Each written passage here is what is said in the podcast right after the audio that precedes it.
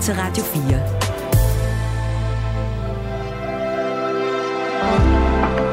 Velkommen til morgenrutinen. Din vært er Maja Hall. Du kender nok Arne Jacobsen, der for eksempel står bag Aarhus Rådhus. Du kender sikkert også Jørgen Utzon, der er verdenskendt for at have tegnet operahuset i Sydney. Og i det hele taget, så kender vi nok alle sammen et par eller tre store danske stjernearkitekter. Men der er altså flere. Og i anledning af, at det i dag er arkitekturens dag, så kommer dagens gæster til at præsentere dig for nogle danske kvindelige arkitekter, som du helt sikkert ikke kender, men som har haft en kæmpe betydning for os. Dagens gæster kommer ind til mig her om en 10 minutters tid her i morgenrutinen. Men øh, først så skal vi have et nummer fra en øh, fødselar. Og måske kan du gætte, hvilken øh, 90'er actionfilm nummeret her hører til. Deals the cards as a meditation. And those he plays never suspect. He doesn't play for the money he wins. He doesn't play for respect.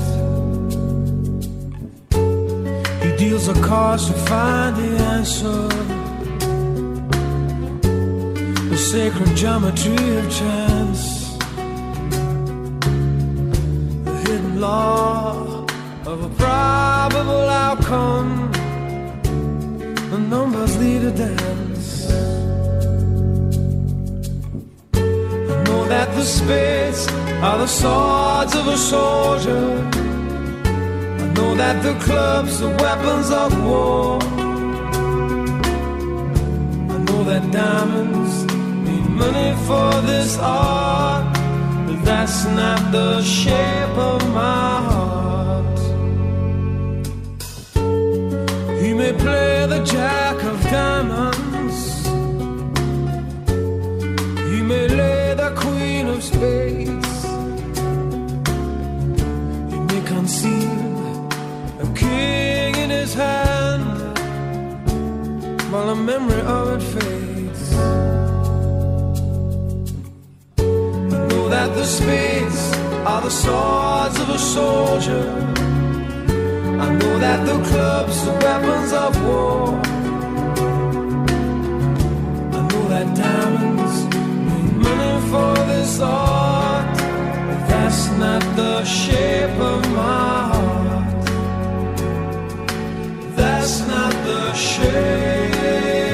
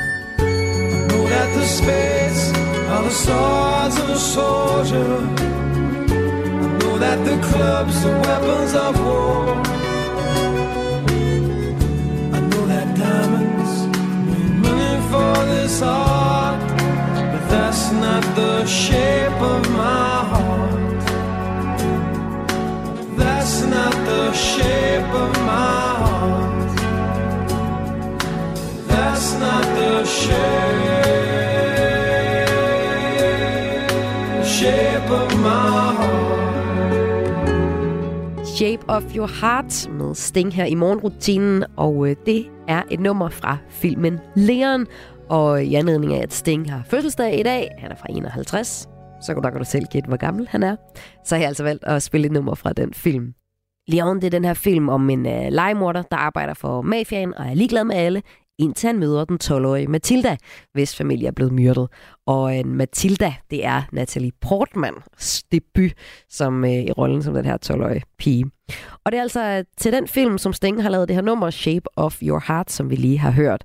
Sting var med til at danne bandet The Police i 77. Han var forsanger og bassist. I 85 gik han solo, og tidligere i år, der genudgav han Ten Simone's Tale, der er 30 år gammel i dag, og hvor man blandt andet netop finder nummeret Shape of Your Heart, som vi hørte her til at starte med. En kendt dansker er død i en time. Jeg synes, det ville være skrækkeligt, hvis jeg vidste noget skulle være for evigt. Men først skal de spise et måltid, som var det deres sidste. Så kommer, kommer desserten. Så kommer den altså. Fuck, hvor er det Og, voldsomt. øh, Og altså, hvorfor, Anna? Hvorfor? Altså, jeg aner det ikke. Sammen med vært Lærke Kløvedal taler de om døden, maden og alt derimellem. Men fjordrejer, det er barndom. Det er gode stunder med min far. Det er noget af det eneste, jeg har haft med papa. Lyt til det sidste måltid i Radio 4's app, eller der, hvor du lytter til podcast. Æret være hans minde. Radio 4. Var det det? Det var det. Ikke så forudsigeligt. Alle har et eget sted Flyver højt, falder ned Selv de dybeste sår, de kan hele Men i dag har du svært ved at se det, og det er hårdt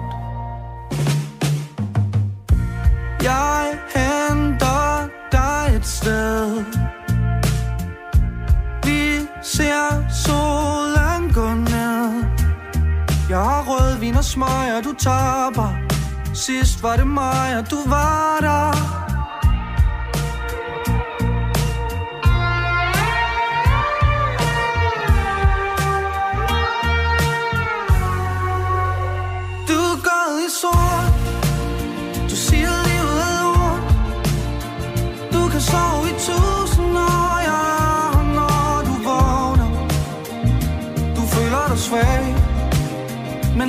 Vender tilbage.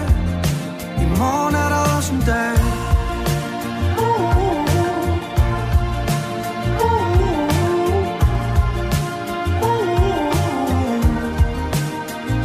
Du føler dig svag Men tro mig, lyset vender tilbage. For i morgen er der også en dag. Du er ikke til besvær.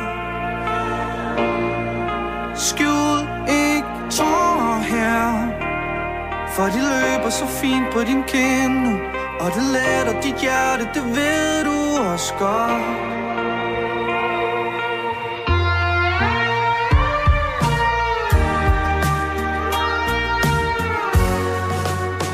Du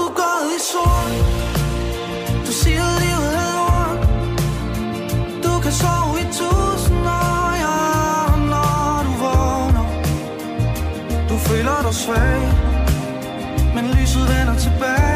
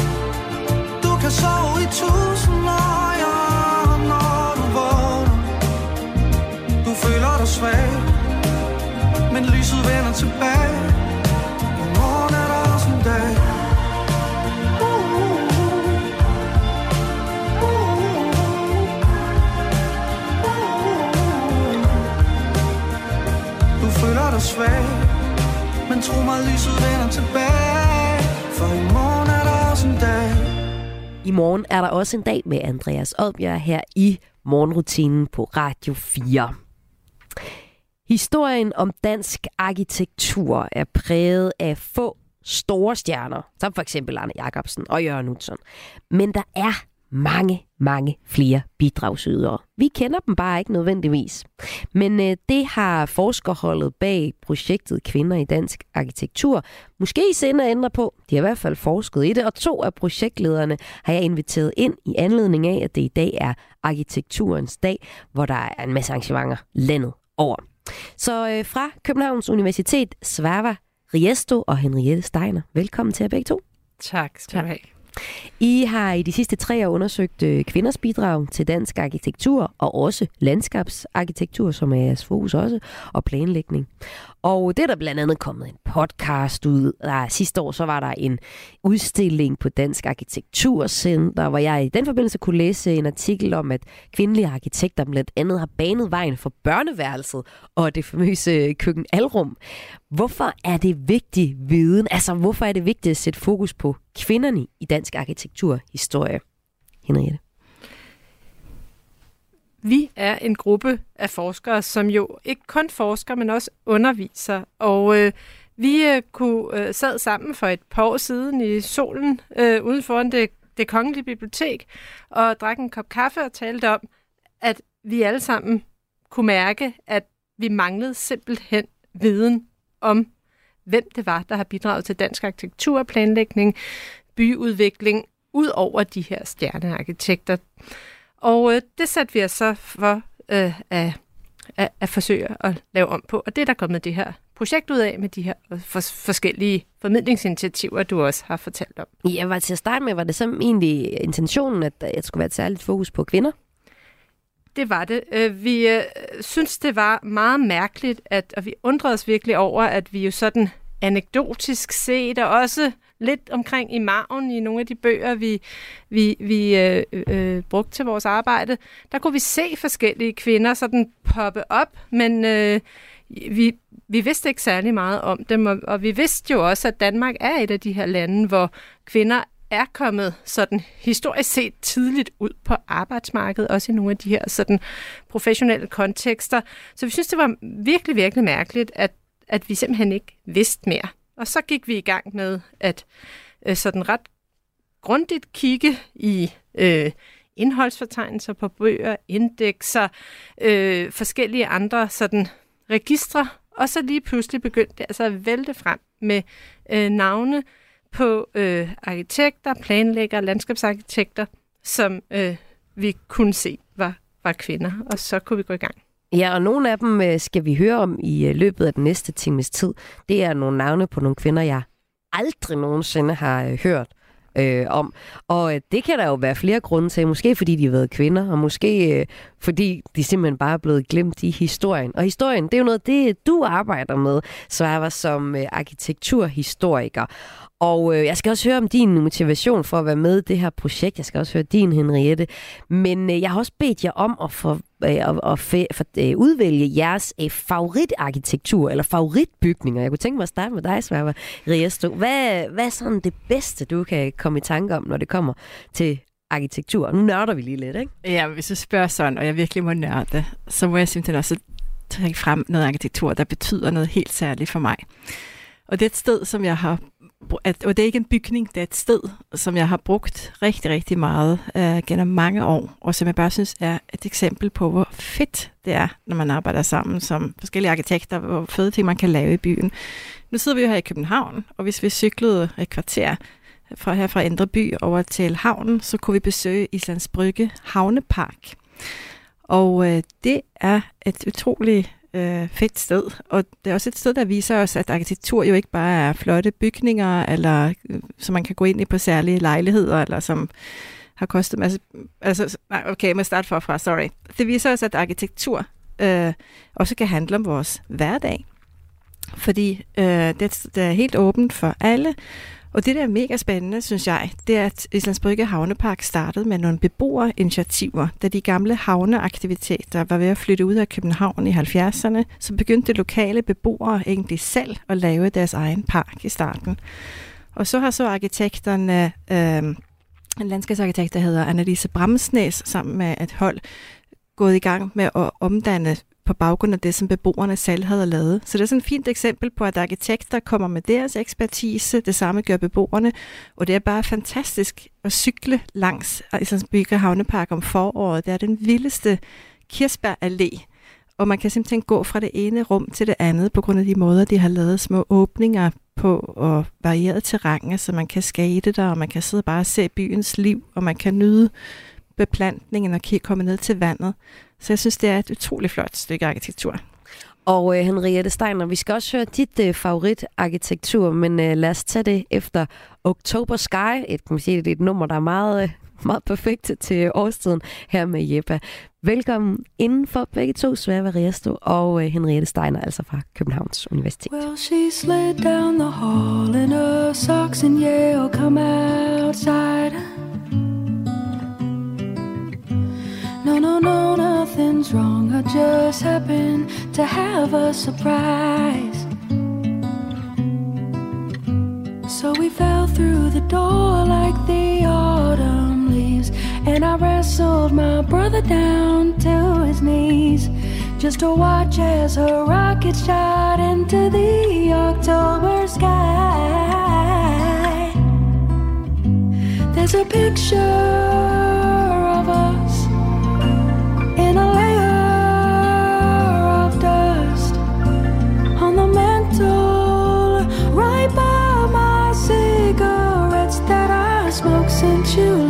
cause you said you had to fly.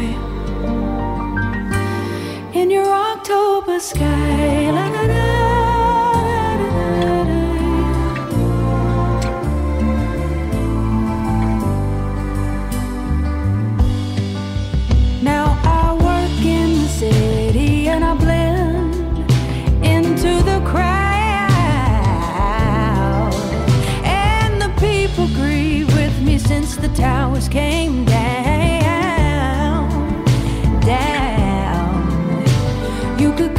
pollution with a butter knife.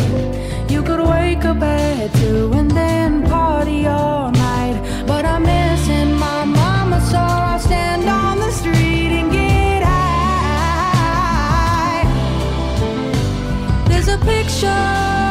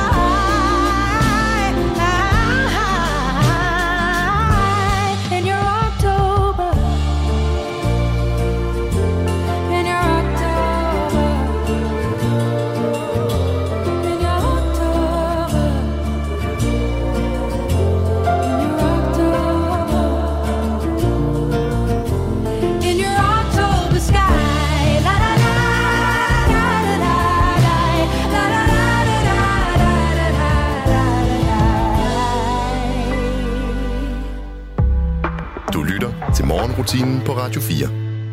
Nå, nu hørte vi jo så uh, Svavas uh, favoritarkitektur, Henriette, og det var den her havnepark i uh, København på Islands Brygge.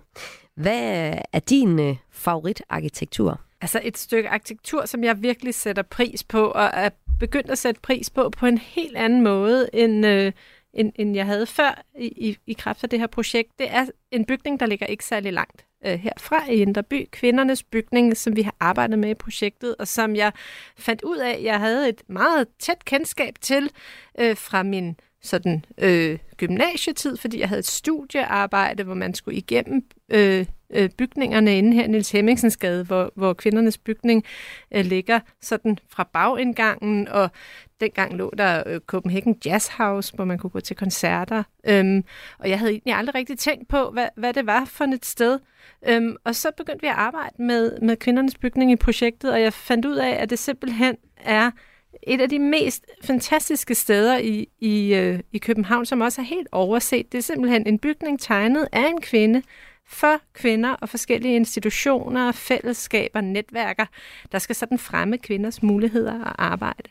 Hvordan Og det- kan man se det i arkitekturen? Jamen, der står kvindernes bygning med gigantiske bogstaver uden på øh, bygningen. Øhm, og den er, er øh, øh, tegnet af en, en øh, øh, kvinde, Ragnar Grupp. Øh, den blev opført i 1936 efter sådan en crowdfunding øh, øh, øh, efter flere årtiers nærmest crowdfunding, okay. hvor kvinder har samlet, øh, og sådan de her første generation feminister har samlet penge sammen til at bygge denne her bygning, og det er stadigvæk et sted, hvor øh, der er rigtig mange foreninger øh, og fællesskaber, som netop skal sådan fremme kvinders vilkår. Og det synes vi bare var, og jeg synes bare, det var helt fantastisk at se sådan et sted, der lever over ja, næsten 100 år, er med til at skabe forandring, øhm, og at vi også fandt øh, denne her idé om en arkitekt, en kvinde allerede i 30'erne, som altså havde sin egen tegnestue, var med til at bygge øh, og, og, og formgive en bygning som denne her, med, som var sådan højteknologisk på det her tidspunkt. For den her arkitekt, Ragnar Grupp, var vildt interesseret i nogle af de nye materialer. Beton og varmeanlægget i bygningen for eksempel var sådan super teknologisk avanceret for, for, for denne her tid. Øhm, så så den, at det sted er, synes jeg er helt fantastisk, fordi det både er et sted, jeg har et, et, et forhold til i mit eget liv, øh, og som så på en eller anden måde trådt frem for mig på en anden måde, efter jeg har interesseret mig for, øh, for, for det her med kvinders bidrag til, til arkitekturen på en anden måde. Og det er netop det, det handler om i morgenrutinen i dag. I dag øh, fejres nemlig arkitekturens dag over hele verden, og dagen sætter fokus på arkitekturens bygning. Betydning for menneskers livskvalitet og hvordan arkitektur kan være med til at finde løsninger også på klimaudfordringer. Altså det er, en, det er det tema, der ligesom er på dagen. Og Dansk Arkitekturcenter markerer dagen i København ved en, for eksempel en masse arrangementer. Og der er også arrangementer rundt om i, øh, i hele landet. Også arrangeret af, af Dansk Arkitekturcenter, kan jeg se. Og øh, her i morgenrutinen, der skal vi jo høre nogle af de øh, kvindelige arkitekter, som har haft en kæmpe betydning for os, og øh, som nok nærmest kun jer to, mine to gæster, kender til. I er nemlig i gang øh, med at forske på området, og jeg har jo allerede nævnt to kvinder her. Øh, lad os lige få navnene igennem. Hvem var det du? Hvad var det, hun hed? Øh, hende? Du øh, fremhævede, øh, Svava. Det var en landskabsarkitekt, som hedder Annelise Bramsnæs. Ja. Og, øh, og Henriette Steiner, din igen. Ragnar Grupp. Og der har vi altså fået to navne på, som jeg må indrømme, jeg ikke kendte til. Men øh, nu kender jeg lidt til dem, og øh, inden den her time om, så kender vi til øh, mange flere eksempler på kvinder fra arkitekturen. Og i anledning af, at Sting i dag er fødselsdag, så tager vi et Sting-nummer mere. Her er det Seven Days. Seven days was all she wrote. Kind of ultimatum note she gave to me. She gave to me. When I thought the field had cleared, it seems another suit appeared to challenge me. Woe is me. Though I hate to make a choice, my options are decreasing mostly rapidly. Well, we'll see. I don't think she'd bluff this time. I really have to make a mind. It's plain to see. It's him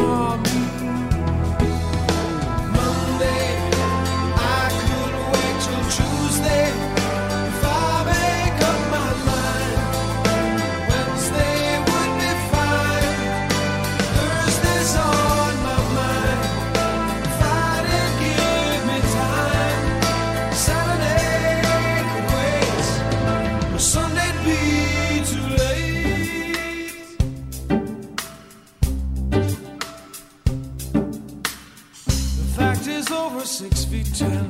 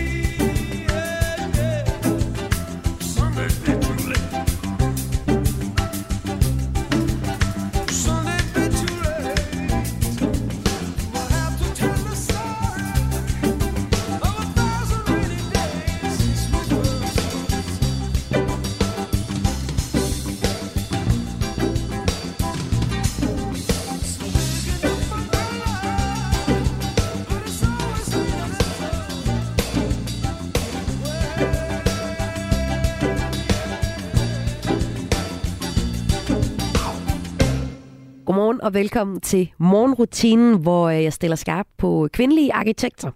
Og øh, vi skal høre et om et par øh, kvindelige arkitekter mere, som du nok ikke kender til. Vi har allerede hørt om et par, og det er mine to gæster, mine to forskere, Henriette Steiner og Svava Riesto, som er i gang med et projekt, hvor I netop sætter fokus på kvinder i arkitekturen, som har udvalgt to. Øhm, men jeg skal også lige høre, I fortalte lidt indledningsvis om, sådan, øh, hvad der ligesom var årsagen til, at I, I startede det her projekt, øh, som nu kører på tredje år, og sådan cirka har sin afslutning i år, men øh, der er måske midler til lidt mere, kunne jeg høre. Men øh, Henriette, din motivation for at lave projektet, det kom særligt fra sådan undervisningens af, af landskabsarkitekter, hvor du kunne høre dig selv stå og gentage de samme heldige fortællinger om de samme store arkitekter, øh, som for eksempel øh, Arne Jacobsen og Jørgen Utzon, eller Big, eller noget af det, man ligesom hører igen og igen, og nok også det, jeg kender til det. Og øh, for, øh, for dig, Sverva, så havde du det som om, at at du fik lidt en aha-oplevelse, da du kom ud og blev ansat på en tegnestue som arkitekt, øh, tur arkitekturhistoriker. Hvordan var det det? Var? Jamen, jeg var jeg er oplært som arkitekturhistoriker, og jeg havde i mange år på studiet hørt om mange af de store øh, figurer i arkitekturhistorien, specielt den moderne arkitektur. Øhm, det kunne i Danmark være Arne Jacobsen og Jørgen Utzon, og jeg læste så i udlandet, der er der meget tale om sådan folk som Mies van der Rohe og Lev Corbusier, nogle store arkitekter. Og vi var vant til, at vi skulle sådan, når vi lavede vores opgaver, så skulle vi følge ud, hvornår er det bygget, hvem er det bygget af, der satte man et navn ind, ikke? og hvem er det bygget for, der satte man et navn ind, og så var den historie sådan set færdig, og så begyndte man at beskrive værket. Og så var jeg så heldig, at jeg efter studiet, som du siger, kom ud og arbejdede på en tegnestue, og jeg synes, det var vildt spændende at se, hvor mange mennesker, der egentlig er involveret, før noget bliver til som arkitektur i virkeligheden. Altså, det, er jo, det ved jo også folk egentlig godt, at arkitektur bliver til på tegnestor, hvor der arbejder mange forskellige kræfter. Men i arkitekturhistorien har vi haft en tradition for at skrive, du ved, bøger om en ofte mand, i hvert fald om en person, og, og så kommer det til at se ud, som om vedkommende har skabt og fundet på det hele. Ja, Nærmest i hvorfor ene tror- rum. Hvorfor tror I, nu har I forsket det, Henriette, hvorfor tror du, det er sådan? Er det bare sådan den klassiske eh, kunstnermand, som har fået mest opmærksomhed? Men, men det lyder jo til, at jeres forskningsprojekt, der har været masser af kvinder, der har været involveret i masser af projekter, og nogen har været nogle rigtig store navne på deres samtid. Det er bare ligesom ikke gået over i historien. Hvordan, hvorfor tror I det er sådan? Altså man kan sige, at, at den måde, øh, vi, vi må jo tage noget ansvar her på vores egne skuldre som arkitekturhistorikere, fordi den måde meget, at, at, at mange af de fortællinger, som bliver skabt og også gentaget øh, igen og igen inden for det her felt, de følger sådan en, en, en, en meget øh, sådan en, en særlig gænge med et, et, en måske typisk ung øh, studerende på akademiet, som har nogle helt utrolig nyskabende tanker, men bliver undertrykt af en professor, og så finder de en anden professor, der kan hjælpe dem frem, og nu karikerer jeg jo helt vildt, fordi det her det er selvfølgelig meget få tilfælde, det her faktisk er rigtigt.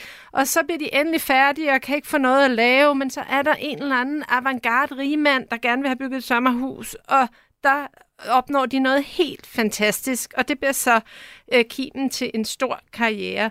Øhm, og, og det er på en eller anden måde sådan en, en, en narrativ, der jo meget lægger vægt på øh, den del af arkitekturen, der handler om formgivning og øh, udvikling inden for formgivning, nybrud inden for formgivning, som lægger sig meget tæt op af ideen om kunstneren. Og det er jo nogle fortællinger omkring, hvad kun, en kunstner er, som går tilbage til 1800-tallet, og hvor vi har den her idé om geniet, om eneren, øh, som i ene rum kan finde på noget helt nyt.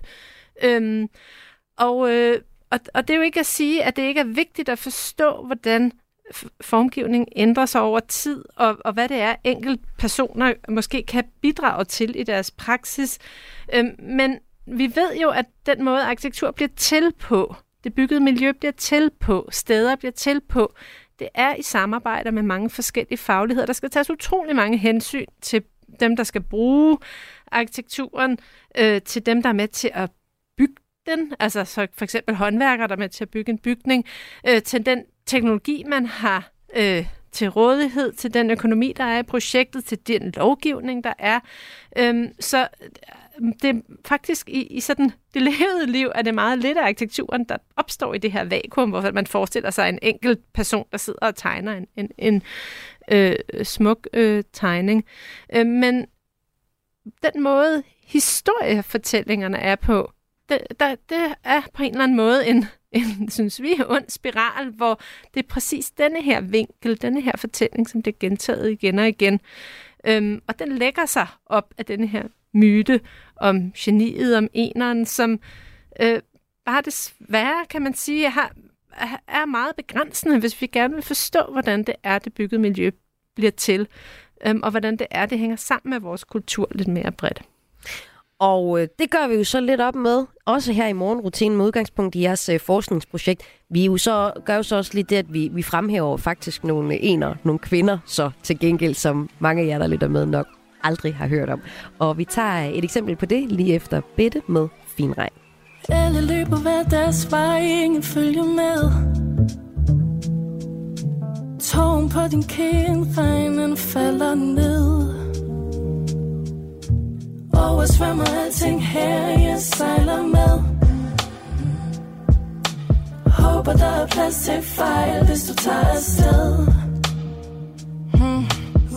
Du vil kunne se, at du kan stole på mig. Du vil jo høre, at jeg kun er hos dig. Du vil jo vide det, du vil jo vide det. Du vil jo vide, at alting ordner sig. Det kommer at gå langsomt væk. Endnu det tanker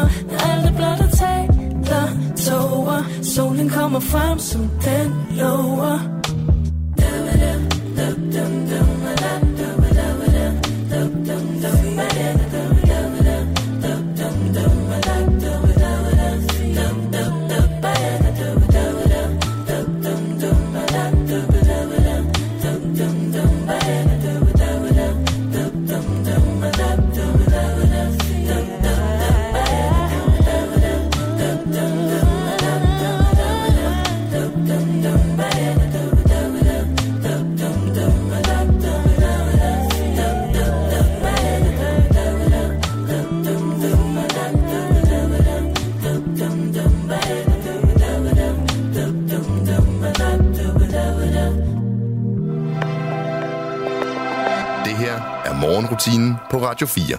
Anne-Marie Rubin er ikke min gæst i morgenrutinen i dag, men hende skal vi høre om nu, Sværva Riesto.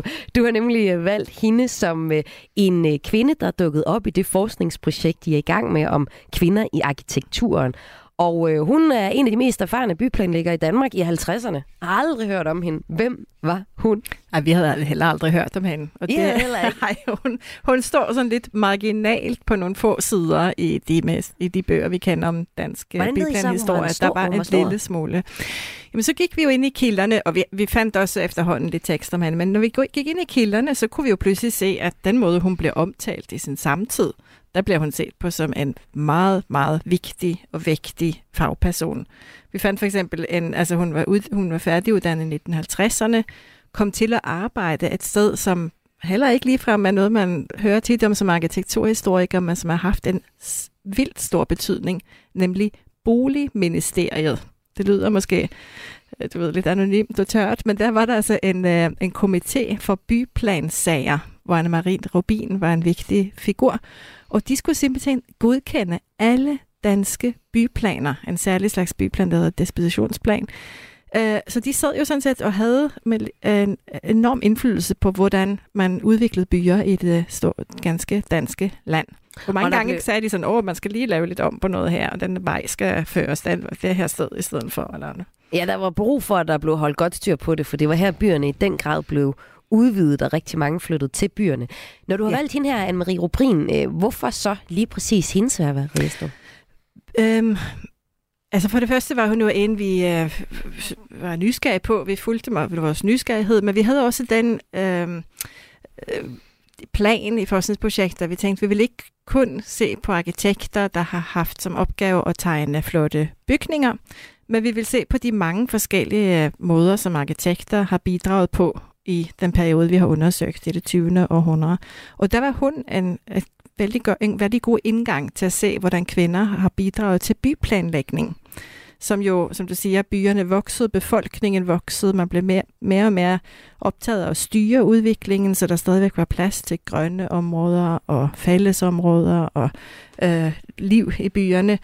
Og øh, der var hun helt central. Vi fandt for eksempel en journalist, at i slutningen af 60'erne, så blev hun omtalt sådan, at hun var bare den mest erfarne byplanlægger i Danmark. Og de skrev sporene fra Anne-Marie Rubin fører gennem Herning og Saxkøbing, Korsør og Nykøbing Mors og i det ganske danske land, på vestkysten og i Nordsjælland. Jamen, det er jo faktisk en ret positiv historie, fordi lige øh, i tiden, så har vi jo en tid, hvor vi taler om rigtig mange glemte kvinder i kulturen, i øh, politik, alle steder, og jo så også her i arkitektur. Og tit så er historierne, de blev negligeret i deres tid, men det lyder faktisk ikke som om det er tilfældet med Anne-Marie Rubin. Nej, og det gælder for mange af dem, vi har kigget på. Vi kan simpelthen ikke med alt det kæmpe materiale, vi har været igennem, kan vi ikke øh, fortælle en, og vil vi ikke, det vil ikke være ret, retvisende at fortælle en historie om, at de alle har hvad skal man sige, været lidt på kanten Mm. i deres samtid. Ja. Nogle af dem har haft en kæmpe betydning, ligesom Anne-Marie Rubin. Ja. Og så skal man også huske at sige, nu fortæller jeg mig alle de meritter, hun har. Også hun har jo også arbejdet sammen med andre. Så hun har tit haft en tegnhistorie, hvor hun har arbejdet sammen med mange andre. Og i det her komité for byplansager var hun også del af et hold. Ja, og det er også en del af jeres forskningsprojekt netop at sætte fokus på, hvor, hvor mange der er om at lave øh, arkitektur og planlægge by bydele og bygninger i det hele taget. Nu har du, øh, Sverre Resto, peget på Anne-Marie Rubin, som en af dem, der dukkede op i jeres forskning om kvinder i arkitektur, som er i gang med på Københavns Universitet. Henriette Steiner, lige efter et nummer, så skal vi høre om Agnete Musfeldt. Men øh, når I nu peger på de her kvinder, er der så egentlig noget? Altså nu sagde jeg indledningsvis her i starten af udsendelsen, at der var øh, også nogle kvinder, der dukkede op i jeres forskning, som, øh, som havde været med til at øh, for eksempel lave børneværelset, øh, sikre, at øh, alle ikke sov sammen i øh, lejligheden. De blev lidt større, og man lavede så værelser til, øh, til børnene, og kiggede på køkkenet sådan, at man kunne bevæge sig smart rundt i det. Øh, nogle ting, som øh, kvinder på det tidspunkt i efterkrigstiden helt sikkert havde mere viden om end mændene, fordi kvinderne var vant til at gå hjemme. Men kan man egentlig se sådan nogle gammeldags feminine dyder, eller er der noget, der, der gør, at man kan se, at de her øh, arkitekter er kvinder øh, i deres arkitektur? Altså, det er et super godt spørgsmål, fordi vi kan faktisk komme med et meget nemt svar. Vi kan ikke se nogen spor efter en sådan feminin eller kvindelig arkitektur. Øh, en, altså, det vil sige en særlig æstetik eller en særlig form eller, Mm. Eller praksis. Der er ikke noget med, at kvinderne laver noget, som er særlig rundt eller, eller lyserødt. Øh, det, det har vi simpelthen ikke noget som helst øh, øh, evidens for, eller fundet nogen som helst tegn på.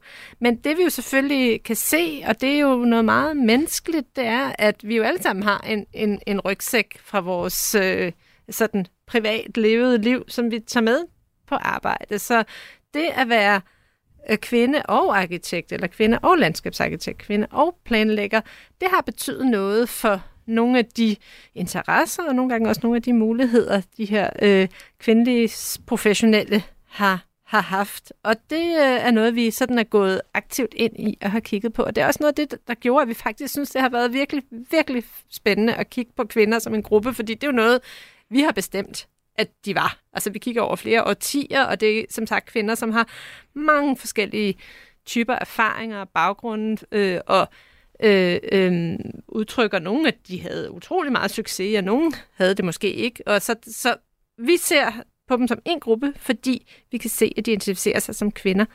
Men øhm, det, vi kan finde som fællesnævner, det er, at stort set dem alle sammen, og altså, du skulle tænke på mig, at vi, vi har at gøre med øh, øh, kvinder her, hvor der er meget, meget lidt historisk materiale øh, og arkivmateriale om, om, om mange af dem.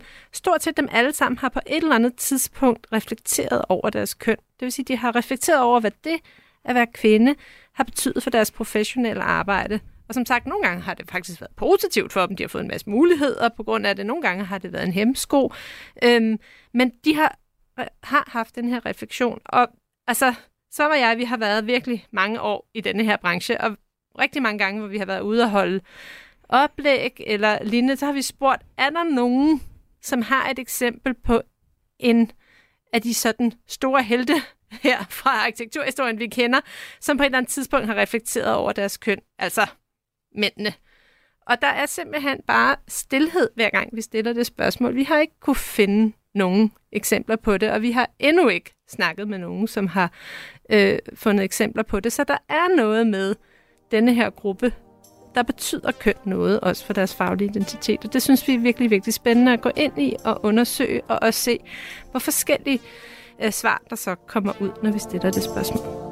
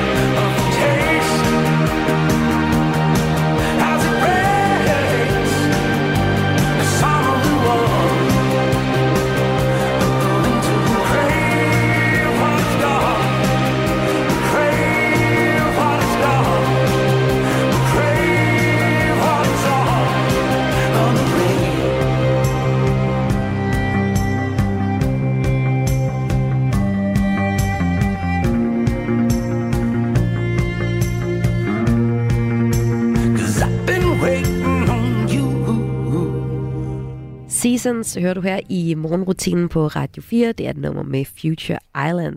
Og øh, i den sidste times tid, der har vi her i morgenrutinen stillet skarp på kvindelige arkitekter i anledningen af af arkitekturens dag. Der har jeg nemlig inviteret to forskere ind fra projektet Kvinder i Dansk Arkitektur på Københavns Universitet. Og øh, motivationen har I jo fortalt er at, at kende til den sande arkitekturhistorie, og den har jeg gerne vil videreformidle lidt her i programmet. Så vi har hørt om nogle af de forskellige mange mennesker, der jo egentlig står bag de, øh, den arkitektur, de bygninger, de områder, vi ser ude i vores byer blandt andet. Og vi har også hørt om nogle helt konkrete kvinder, og vi skal have et navn mere, fordi I har hver valgt en øh, arkitekt til Svave Riester. Du har valgt Anne-Marie Rubin, vi har hørt om, og Henriette Steiner. Du har valgt Agnete Musfeldt. Hvorfor har du valgt hende? Jamen, altså, Agnete Musfeldt er, øh, eller var en øh, landskabsarkitekt, som vi også har arbejdet øh, med i, øh, i, i projektet her. Og også et, et, et godt eksempel på øh, en, øh, øh, øh, hvad hedder det, sådan professionel figur, som vi lærte at kende her, men ikke rigtig kendte før, selvom det er altså en landskabsarkitekt, som har lavet rigtig meget arbejde. Øh, og øhm, øh, hvad hedder det, men som, som sådan i forhold til den måde, vi netop underviste på, eller den måde historierne øh, er skrevet om landskabsarkitekturen, har øh, ikke måske fået øh, den plads, øh, som, som, som øh, kunne, kunne være øh, meningsfuld. Og Annette Musfeldt var øh, simpelthen øh, landskabsarkitekt, og øh, lavede rigtig mange offentlige arbejder. Øh, Agnete Musfeldt blev på et tidspunkt spurgt om, om det ikke var sådan svært for kvinder at, at få noget at lave, eller hvordan var det nu? Fordi man tænker på sådan, hmm, kvinder og landskabsarkitekter, det er noget med at gå rundt i private haver og arrangere rosenbed.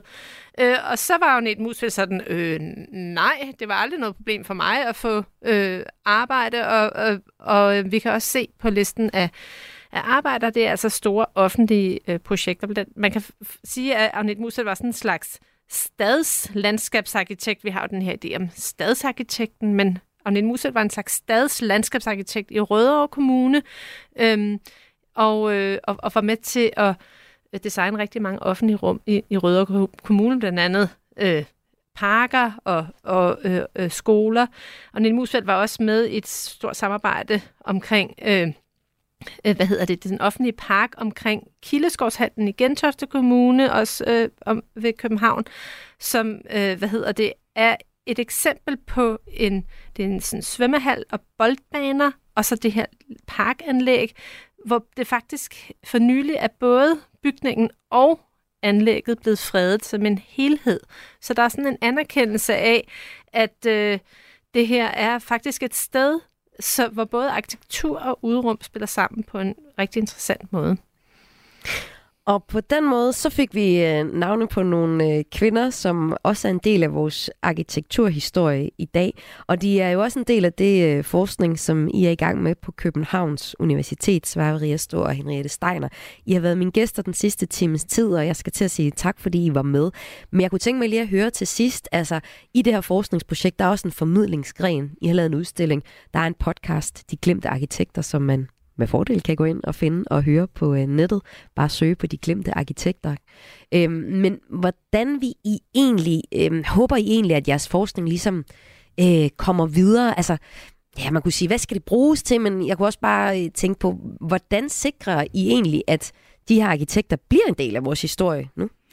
Jamen, det er netop øh, gennem de formidlingsinitiativer og vores udstilling, og vi har også lige udgivet en bog, der hedder Ufortalte Historier, og så er vi netop meget ude at tale med folk, ligesom med dig i dag og med, med lytterne her, øhm, fordi vi tænker, at det her, den her viden skal ud og leve. Så derfor har vi modsat, man kan sige forskning, nogle gange kunne man tænke, at man sidder inde i et arkiv i mange år, og til sidst så kommer der en stor mobbedreng af bog Men vi har været optaget af hele tiden at være i dialog med samfundet, og så udgivet en guidebog for dem, der er i eller kommer til København og omegn, så er der en guidebog, hvor man kan besøge steder, som er lavet af kvindelige arkitekter i øh, København og omegn.